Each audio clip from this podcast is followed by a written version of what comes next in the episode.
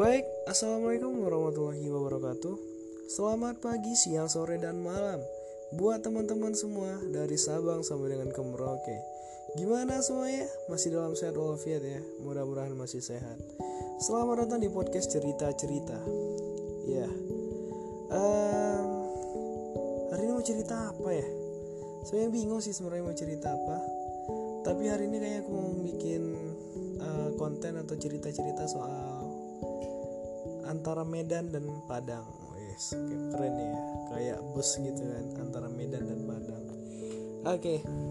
Jadi um, pertama ya um, di awal podcast pertama episode pertama itu aku udah jelasin aku tuh dari dari Sumatera Utara dan merantau ke Ranah Minang. Sebenarnya Sumatera Utara dan Sumatera Barat itu tetanggaan.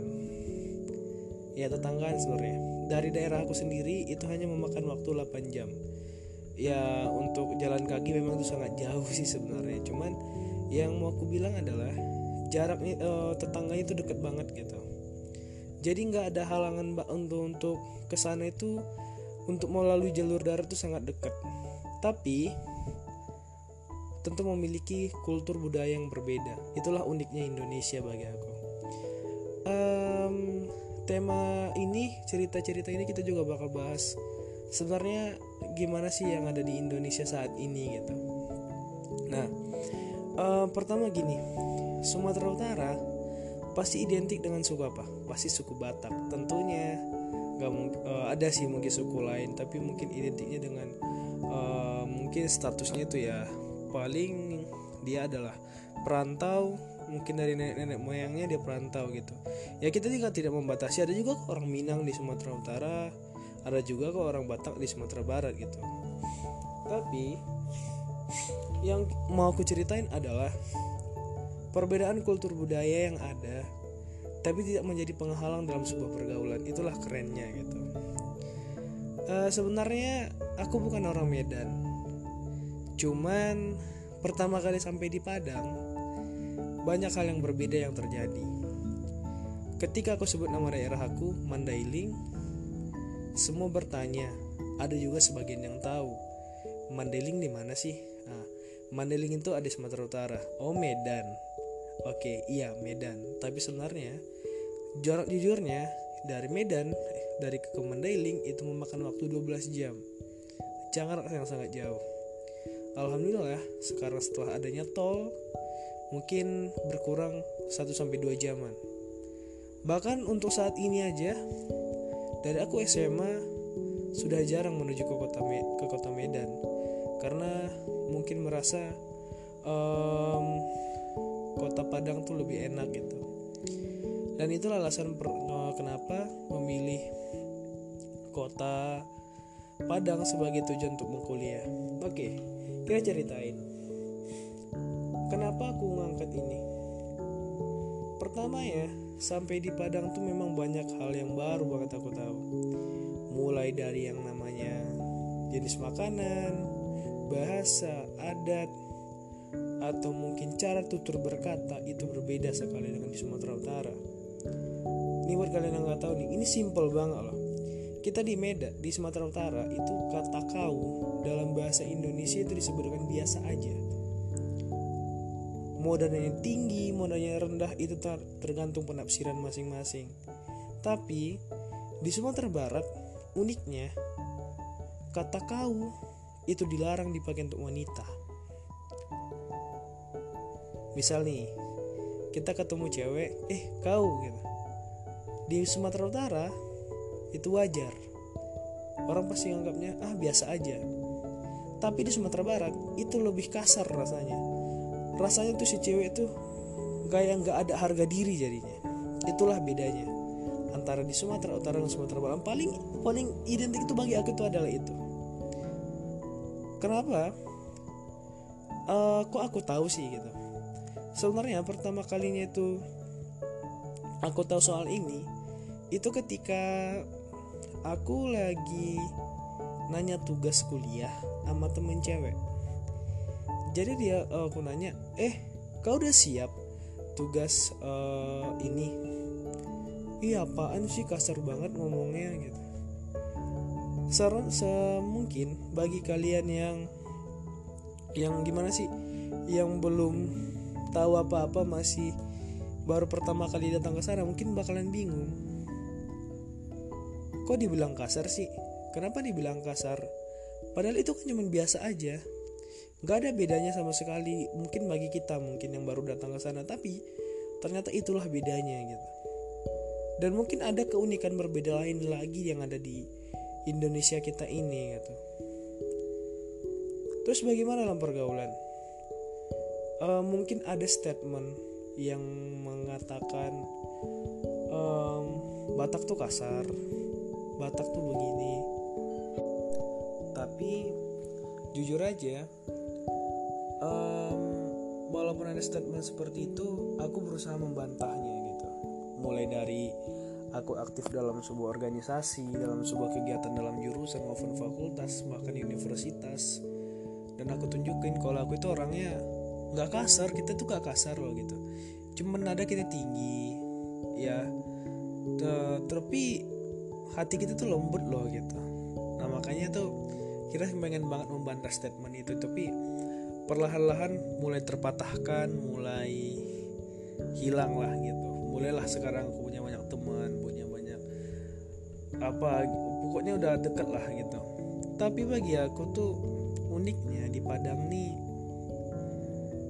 gimana ya mau dikelilingi oleh orang-orang yang ya memang ada yang instagramable gitu ada yang suka traveler ada yang suka tiktokan ada yang gamers ada yang mungkin lebih suka jadi anak indie lebih jadi pendiam segala macem. Tapi bagi aku pribadi aku menempatkan diri aku di mana-mana. Tergantung aku berada di mananya dulu gitu. Kalau aku mungkin jadi anak instagramable mungkin bagi aku nggak cocok. Karena aku adalah tipe orang yang sangat anti dengan uh, terlalu sering yang namanya aktif di sosial media kecuali dalam hal untuk mencari informasi atau mungkin mencari relasi. Itu mungkin aku lakuin dalam sosial dalam melakukan hal di sosial media. Untuk aktif untuk foto segala macam. Ya mungkin hanya sekedar aja gitu. Nah aku nggak mungkin menempatkan aku di situ. Bagaimana dengan TikTok? Bagaimana dengan yang lainnya? Sebenarnya bagi aku itu baik sebenarnya. Tergantung kitanya dulu gitu Nah, orang Batak kalau di sana saya yang aku lihat adalah orang yang sangat mudah sekali bergaul, orang yang sangat pemikirannya cerdas dan uh, real apa sih kayak bukan realistis apa sih namanya? Dia orangnya real gitu. Kita nggak mau cari cari-cari muka enggak, tapi kita mau cari kawan. Kawan tuh lebih penting dari segalanya gitu dan alhamdulillahnya tuh uniknya itu adalah di Padang ini tuh menerima gitu. Menerima perbedaan apa pun yang datang itu mau dari agama suku ras bahkan dari negara luar pun ada. Dan itu ini sedikit cerita ya. Di Unan di Unan tuh ada asrama. Asrama cowok tuh dua. Jadi aku punya temen uh, satu dari Madagaskar uh, yang kemudian mahasiswa juga di ilmu komunikasi dan dia ini tuh uh, bagi aku tuh mungkin di kelas tuh nggak banyak ngomong. Kadang-kadang nih uh, kita sendiri nih kalau kita ribut dalam kelas tuh ketika ketika di depan ada yang ngomong tuh dan disuruh diam sama dia tuh malunya tuh kayak malu-malu negara sendiri gitu. Tapi dia memaklumi itu. Tapi lu kerennya adalah orang Padang tuh menerimanya sangat baik gitu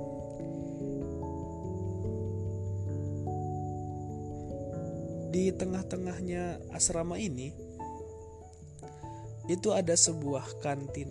Bukan apa kalau di kami sih sebutnya uh, business center sih atau BC lah. Anak kunan mana yang nggak tahu tempat itu kan.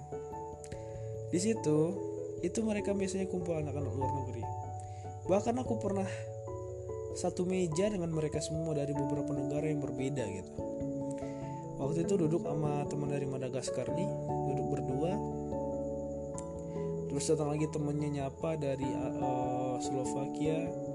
Tiba-tiba datang lagi dari Jerman yang dari Thailand ngomong sama dia kita duduk bareng di situ. Dan dan cuma aku sendiri yang dari negara Indonesia mewakili negara aku sendiri duduk di meja itu sendiri gitu. Ketika mereka ngobrol sana ngoceh sini ngoceh sana apalah daya yang mungkin masih penggunaan bahasa Inggrisnya kurang uh, memadai ya cuman oh ya ya gitu. Cuma itu doang.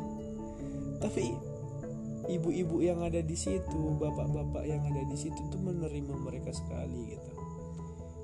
Sangat diterima. Bahkan mereka tuh bercanda sering gitu. Gimana ya? Bagi aku sampai sekarang orang Padang tuh masih menerima yang namanya perbedaan. Masih menerima yang namanya pendatang itu yang harus menurut aku terus dipertahankan gitu. Toleransinya orang Padang tuh bagi aku bagi aku ya. Bagi ini bagi aku masih kuat. Eh, nggak uh, tahu mungkin mudah-mudahan ke depannya masih tetap seperti ini aku rasakan gitu. Contohnya gini. Aku tinggal kos tuh di kampung. Jadi Unan tuh di belakangnya tuh ada sebuah perkampungan. Namanya kampung Lima Manis. Aku ngekos di situ sengaja diri mau cari uh, kos yang dekat banget ke kampus uh, mungkin kalau dari kosku ini ke sana itu jarak-jarak 5 sampai 6 menitan lah kalau naik motor. Di situ tuh namanya juga orang kampung ya. Orang kampung tuh pasti sangat menjaga yang namanya adat istiadat. Sama aku juga tinggal di kampung. Itu adat istiadat tetap ada gitu. Cuma di sini tuh yang kerennya adalah ketika aku di sana aku datang ke sebuah tempat pemakan lontong digunakan bahasa Indonesia. Karena aku nggak paham ya memang ada juga sebagian memang yang belum fasih untuk berbahasa Indonesia tapi aku maklumi itu aku saat tapi karena juga aku pendatang aku gak mungkin marah-marah ke dia kan gitu. Aku maklumi dan aku bilang oke okay, nggak apa-apa kita ngobrol. Bahkan aku dari dia ngomong seperti itu aku bisa belajar sebenarnya. Tapi cuman Aku yang paling benci itu adalah ketika aku dipaksa untuk berbahasa daerah mereka bahasa daerah tuh aku paling gak suka. Jadi aku tuh lebih pengen mengikuti aja mengikuti alur. Di situ tuh bapak-bapaknya baik-baik semua ibu-ibunya bahkan uh, tiap aku datang ini jujur aja ngutang aja dikasih loh ngutang. Ngutang aja dikasih ketika ya maklum lah namanya juga mahasiswa kan ada namanya uh, salah satu akhir bulan itu adalah hal yang dibenci. Cuman kerennya tuh ya, ya dibilang ya bu uh, ngutang dulu. Oh ya nggak apa-apa nggak apa-apa. Uh, besok aja bayar gitu. Ya Allah kayak ngerasa udah tetangga lama gitu. Padahal baru tinggal beberapa berapa bulan udah dikasih ngutang gitu.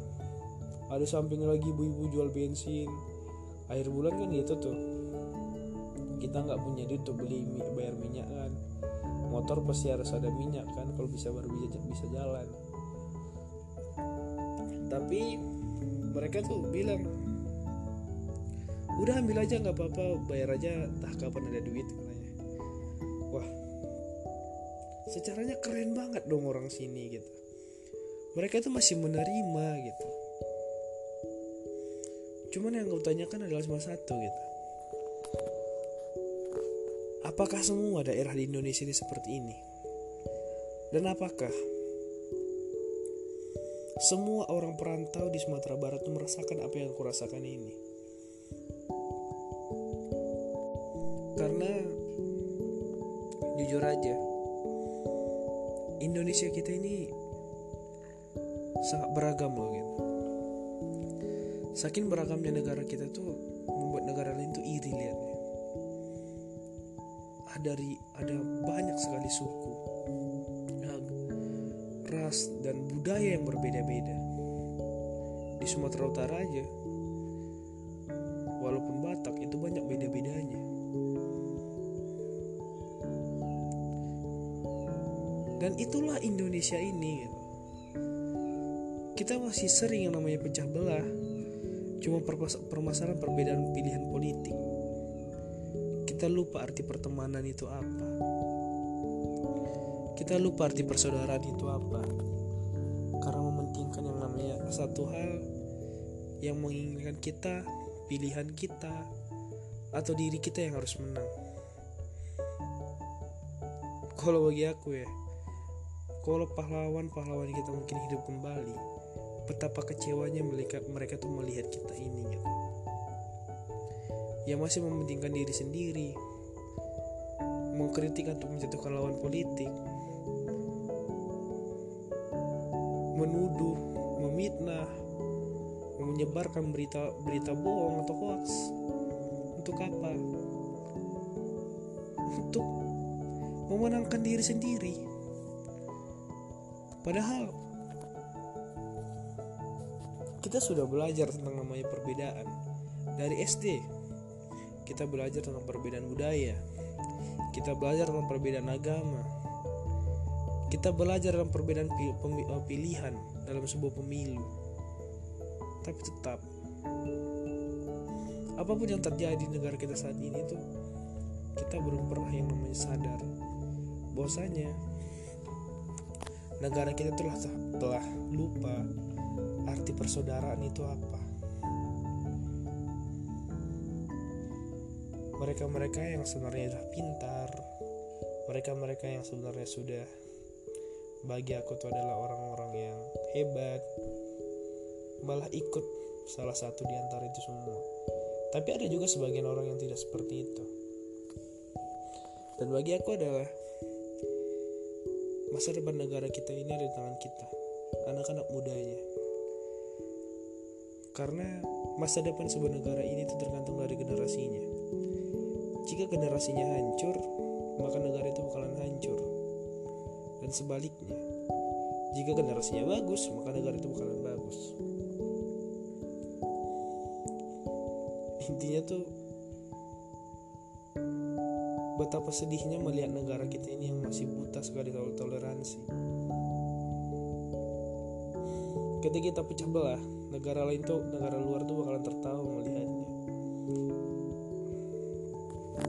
tapi ketika kita bersatu membangun saling bergotong royong saling menghormati negara luar negara lain akan tercengang melihatnya.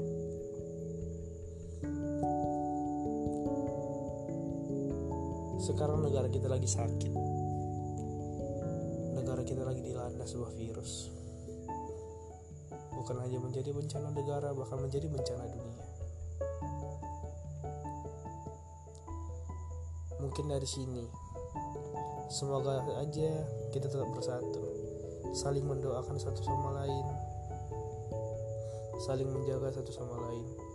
Kita doakan negara kita, bumi kita ini sehat kembali, agar kita bisa beraktivitas seperti biasa, menjalankan kewajiban. Agar negara kita, dunia ini menjadi utuh kembali, menjadi indah kembali. Aku hanya ingin bicara adalah aku rindu yang namanya tentang toleransi itu apa. Bukan rindu sih sebenarnya, mencari tahu apa itu toleransi dari aku SD aku belajar itu hingga aku sekarang kuliah baru kali ini aku rasakan bagi kalian yang bakal menuju ke sebuah universitas atau bakal merantau kalau bisa kalau punya biaya atau tidak ada halangan cobalah ke tempat yang berbeda. Yang di mana bukan ada orang orang daerahmu di sana tapi ada di daerah orang lain mungkin itu yang aku mau bisa sampaikan. Kita doakan yang telah terjadi di negara kita ini. Semoga cepat berlalu. Cepat sembuh Indonesia aku cepat sembuh bumiku. Assalamualaikum warahmatullahi wabarakatuh.